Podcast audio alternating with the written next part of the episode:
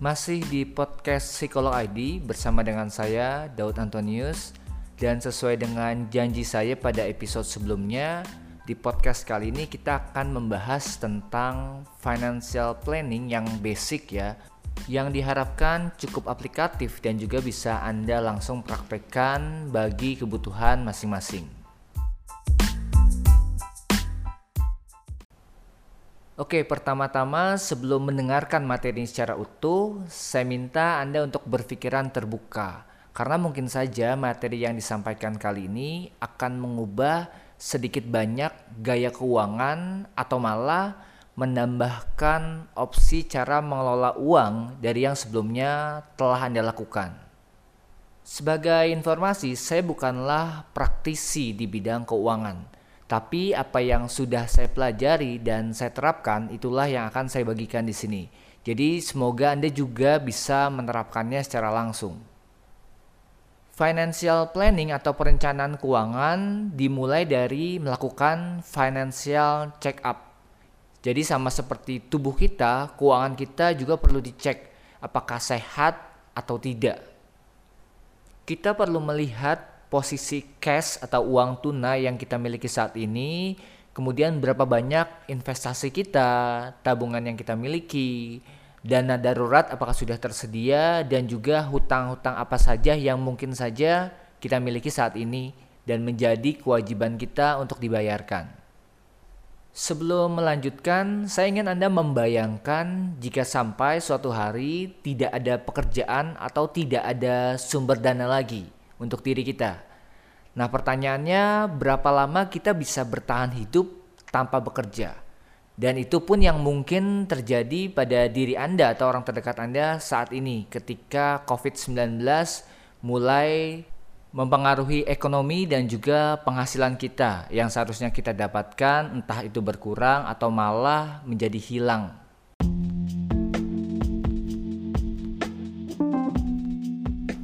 Oke, sekarang kita akan memulai untuk melakukan financial check up sederhana terhadap apa yang kita miliki untuk merencanakan keuangan kita ke depannya ingin seperti apa.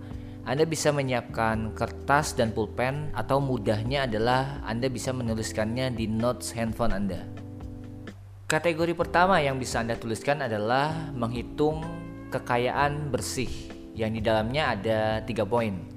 Yang pertama adalah kas atau uang yang Anda miliki saat ini, entah yang memang ada di dompet Anda atau memang saldo-saldo imani ataupun yang ada di aplikasi yang biasa kita gunakan untuk belanja bisa dimasukkan ke dalam kas. Nah, Anda bisa tuliskan. Jadi, kekayaan bersih di bawahnya ada kas itu berapa? Yang kedua adalah simpanan. Nah, yang dimaksud dengan simpanan adalah uang yang ada di rekening tabungan Anda, tapi yang biasanya digunakan hanya untuk parkir. Jadi uang ini misalnya dari gaji biasanya menetap dulu atau diparkir dulu ke rekening tabungan Anda tapi berangsur-angsur diambil untuk digunakan atau untuk keperluan konsumsi. Nah, itu biasanya disebut sebagai simpanan. Itu berbeda dengan tabungan. Nah, simpanannya juga Anda tulis sekarang kira-kira ada berapa. Nah, yang ketiga baru deposito dan juga tabungan. Nah, perbedaannya antara tabungan dan simpanan tabungan seharusnya terus bertambah. Jadi bukan tempat parkir, tapi memang tempat untuk menyimpan sesuatu, entah itu dana darurat atau untuk keperluan jangka pendek dan menengah.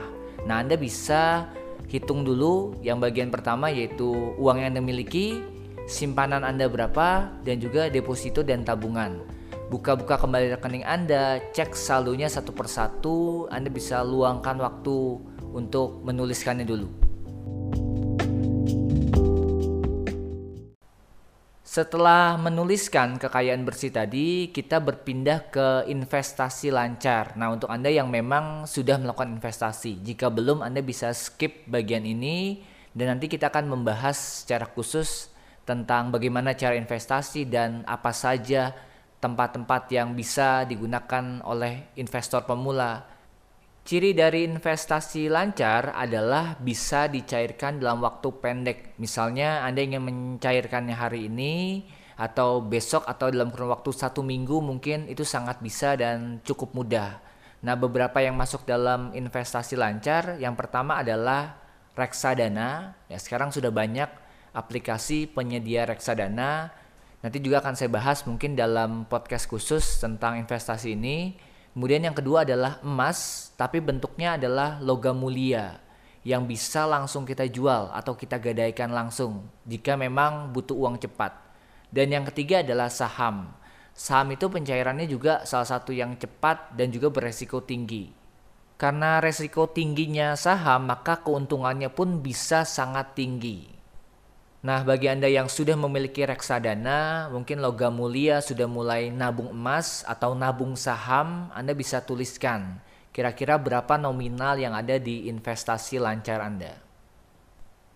Setelah investasi lancar, kita ke investasi tidak lancar. Maksudnya adalah investasi yang butuh waktu cukup panjang dalam pencairannya. Di sini instrumen yang saya masukkan adalah rumah dan juga tanah atau properti. Dan biasanya rumah yang dimaksud adalah bukan rumah yang Anda tinggali sekarang, tapi rumah yang tidak ditempati. Dan ketika dijual, entah rumah, tanah, ataupun properti, itu biasanya butuh waktu yang cukup panjang.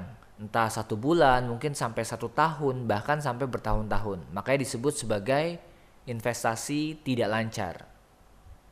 Oke kalau kita cross check lagi tadi ada kekayaan bersih poin pertama. Kemudian yang kedua ada investasi lancar dan yang ketiga ada investasi tidak lancar Nah yang keempat adalah aset atau berapa banyak mungkin barang-barang yang Anda miliki saat ini tapi masih bernilai yang di dalamnya bisa Anda masukkan misalnya kendaraan yang Anda pakai saat ini, kemudian rumah yang sedang Anda tempati, kemudian mungkin Anda memiliki beberapa benda berharga seperti perhiasan dan benda koleksi lainnya. Selanjutnya di poin berikutnya kita kemudian menghitung kewajiban atau biasanya hutang-hutang kita juga. Jadi bisa jadi Anda harus membuka kembali apa saja kredit yang Anda miliki, entah itu kredit kendaraan, mungkin kredit tempat tinggal, atau bahkan pinjaman dari kartu kredit, itu mulai dicatat. Kira-kira berapa yang Anda miliki.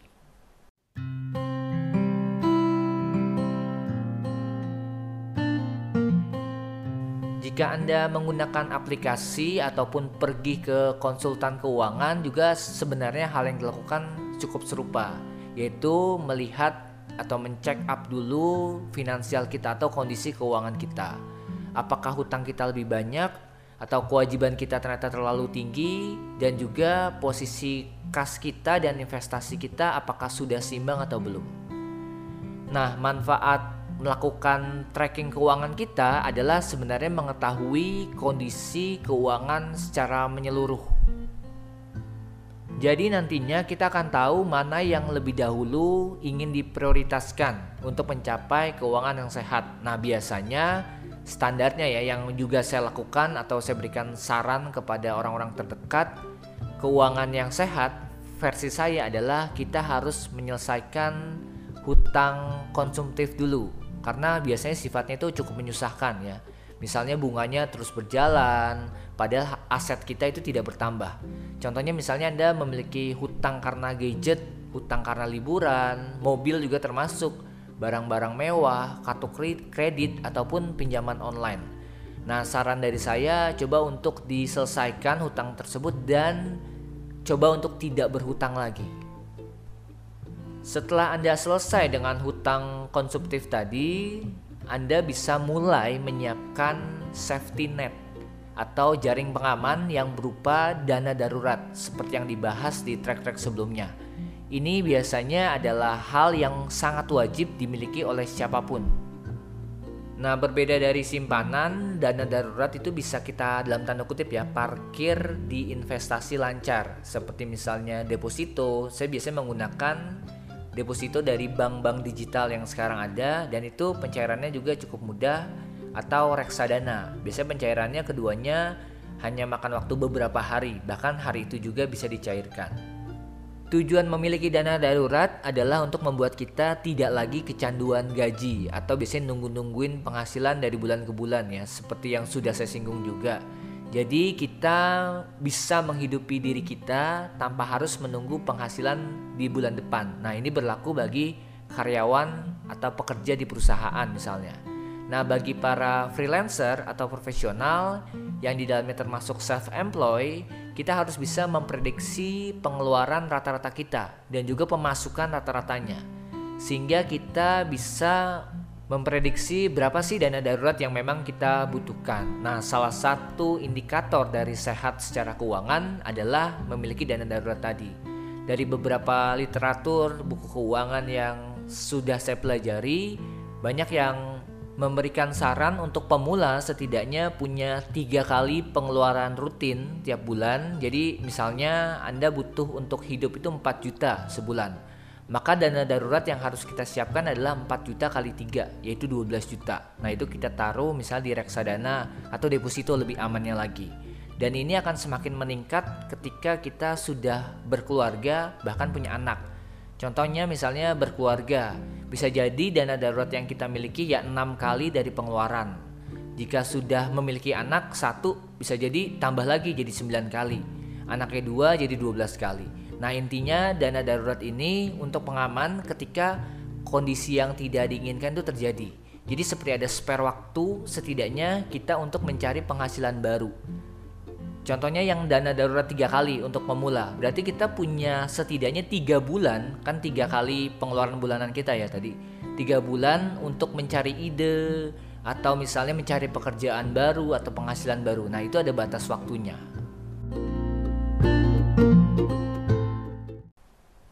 Nah, kemudian setelah melakukan financial check up sederhana tadi, berikutnya yang kita lakukan adalah melakukan pos-pos pengeluaran atau menentukan kira-kira pengeluaran kita ini mau dialokasikan ke mana. Ada beberapa yang membagi pengeluaran dalam bentuk persen, ada juga yang tidak. Sebenarnya itu tergantung efektivitas bagi kita sendiri. Ya tidak ada rumus yang benar-benar baku. Intinya adalah prioritas kita tuh sebenarnya di mana? Apa yang menurut kita jauh lebih penting? Biasanya pengeluaran kita akan jauh lebih besar di sana. Nah, tapi idealnya yang disarankan yang pertama kewajiban. Kewajiban ini bicara mengenai cicilan mungkin atau hutang yang harus kita bayar. Itu posisinya tidak boleh lebih disarankan ya dari sepertiga penghasilan kita.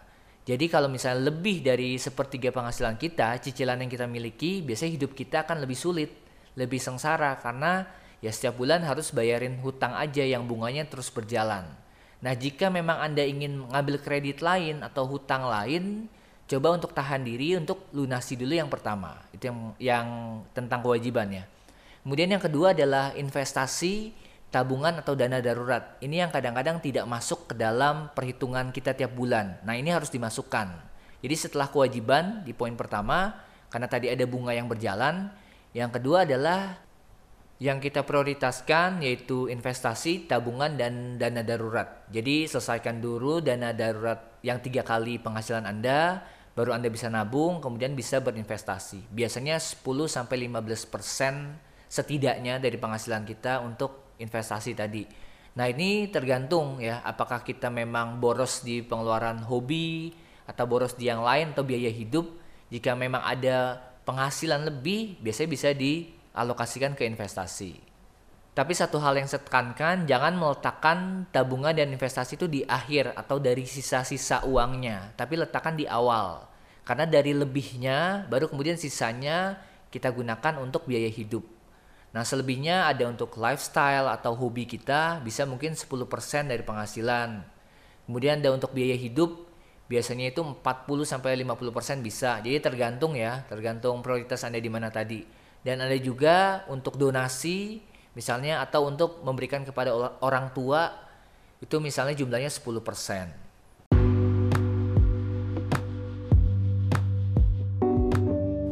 Oke cukup sekian untuk pembahasan dari financial planning yang basic, sangat basic ya karena saya juga bukan praktisi tentang keuangan tapi saya harapkan apa yang sudah dijelaskan ini bisa Anda praktekkan lah untuk diri sendiri ya. Selebihnya Anda bisa mendengarkan podcast tentang keuangan atau juga membaca buku-buku keuangan. Jadi perdalam tentang literasi keuangan. Jangan sampai karena minim pengetahuan itu malah membuat kita semakin sulit. Nah, di materi atau di podcast selanjutnya saya akan bahas mulai lagi dari bisnisnya dan kita akan mengulas tentang tangga perjalanan bisnis. Jadi tetap dengarkan podcast ini dan sampai bertemu lagi di episode berikutnya.